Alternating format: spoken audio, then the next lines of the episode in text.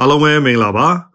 မနေ့ကရှင်မြိုင်စားသွားတဲ့နယ်သာလန်နဲ့အမေရိကန်ပွဲစဉ်မှာနယ်သာလန်အသင်းအနေနဲ့ပထမပိုင်းမှာကလေးကနှစ်ဂိုးကိုမရှိနဲ့ဥဆောင်နိုင်ခဲ့ပါတယ်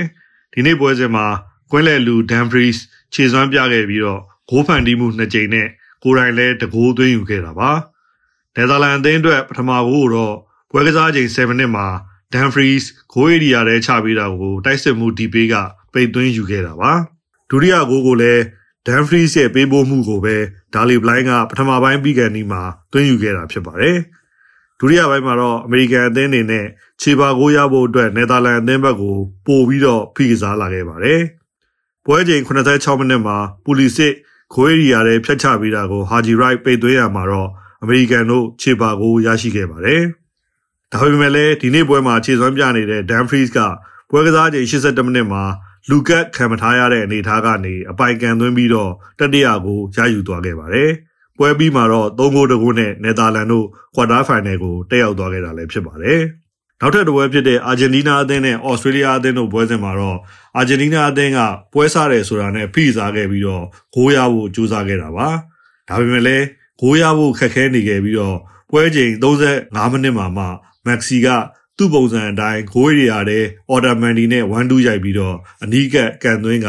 အာဂျင်တီးနားအသင်းအတွက်အဖွင့်ကိုရယူပေးခဲ့တာလည်းဖြစ်ပါတယ်။မက်ဆီအတွက်ကတော့ဒီကမ္ဘာဖလားမှာ၃ဂိုးအသွင်းယူထားပြီးတော့ရွှေဖနက်စုအတွက်ဥဆောင်စင်းရဲမှာပါဝင်လာတာလည်းဖြစ်ပါတယ်။ပထမပိုင်းမှာတကိုးကိုမရှိနဲ့ဥဆောင်ထားခဲ့ပြီးဩစတြေးလျအသင်းအနေနဲ့ကတော့ဂိုးကန်သွင်းခွင့်တော်တော်လေးမရခဲ့တဲ့အခြေအနေဖြစ်ပါတယ်။ ဒုတိယပိုင်းမှာလည်းအာဂျင်တီးနားအသင်းကပဲပွဲကိုထိန်းချုပ်ပြီးတော့ကစားနိုင်ခဲ့ပါတယ်။ပွဲကစားချိန်58မိနစ်မှာတော့ဩစတြေးလျအသင်းဂိုးသမားမက်သရူးရိုင်ယန်ရဲ့အမှားကနေတဆင့်ဂျူလီယန်အဲလ်ဘတ်ကဒုတိယကိုသွင်းယူခဲ့ပါတယ်။ဩစတြေးလျအသင်းအနေနဲ့ခြေပါကိုရဖို့ကြိုးစားရင်းပွဲကစားချိန်89မိနစ်မှာတိုက်စစ်မှုခရိတ်ဂေါ်ရင်က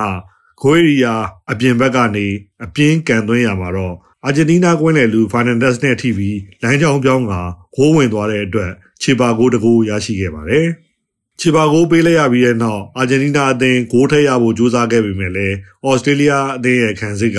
ကောင်းဆုံးကာကွယ်နိုင်ခဲ့ပါတယ်။ပွဲပြီးကန်ဒီမှာဩစတြေးလျကွင်းလေလူ Grand Goal အပိုင်းပိတ်သွင်းခွင့်ရပေမဲ့လည်းဂိုးသမားမာတီနက်စ်ကာကွယ်နိုင်ခဲ့တဲ့အတွက်အာဂျင်တီးနားတို့အချိန်ပိုမကစားရပဲကွာတာဖိုင်နယ်တက်ရောက်ခဲ့တာလည်းဖြစ်ပါတယ်။ကွာတာဖိုင်နယ်မှာတော့အာဂျင်တီးနားအသင်းနဲ့နယ်သာလန်အသင်းတို့တွေ့ဆုံကြရမှာဖြစ်ပါတယ်။ကဲဒီနေ့မှာတော့16သင်းအဆင့် တတိယမြောက်ပွဲအဖြစ်ပြင်သစ်နဲ့ပိုလန်တို့ကစားကြမှာပါပြင်သစ်နဲ့ပိုလန်အသင်းကအရင်က16ကြိမ်တွေ့ဆုံမှုပြီးတော့ပြင်သစ်က8ကြိမ်နိုင်3ပွဲတည်ကြပြီးတော့ပိုလန်က9ကြိမ်နိုင်ထားပါတယ်နောက်ဆုံးတွေ့ခဲ့တာက2011ခုနှစ်မှာဖြစ်ပါတယ်လက်ရှိခြေစွမ်းရရောကစားသမားစုဖွဲ့မှုရပါဆိုရင်ပြင်သစ်ကအများကြီးတာပါတယ်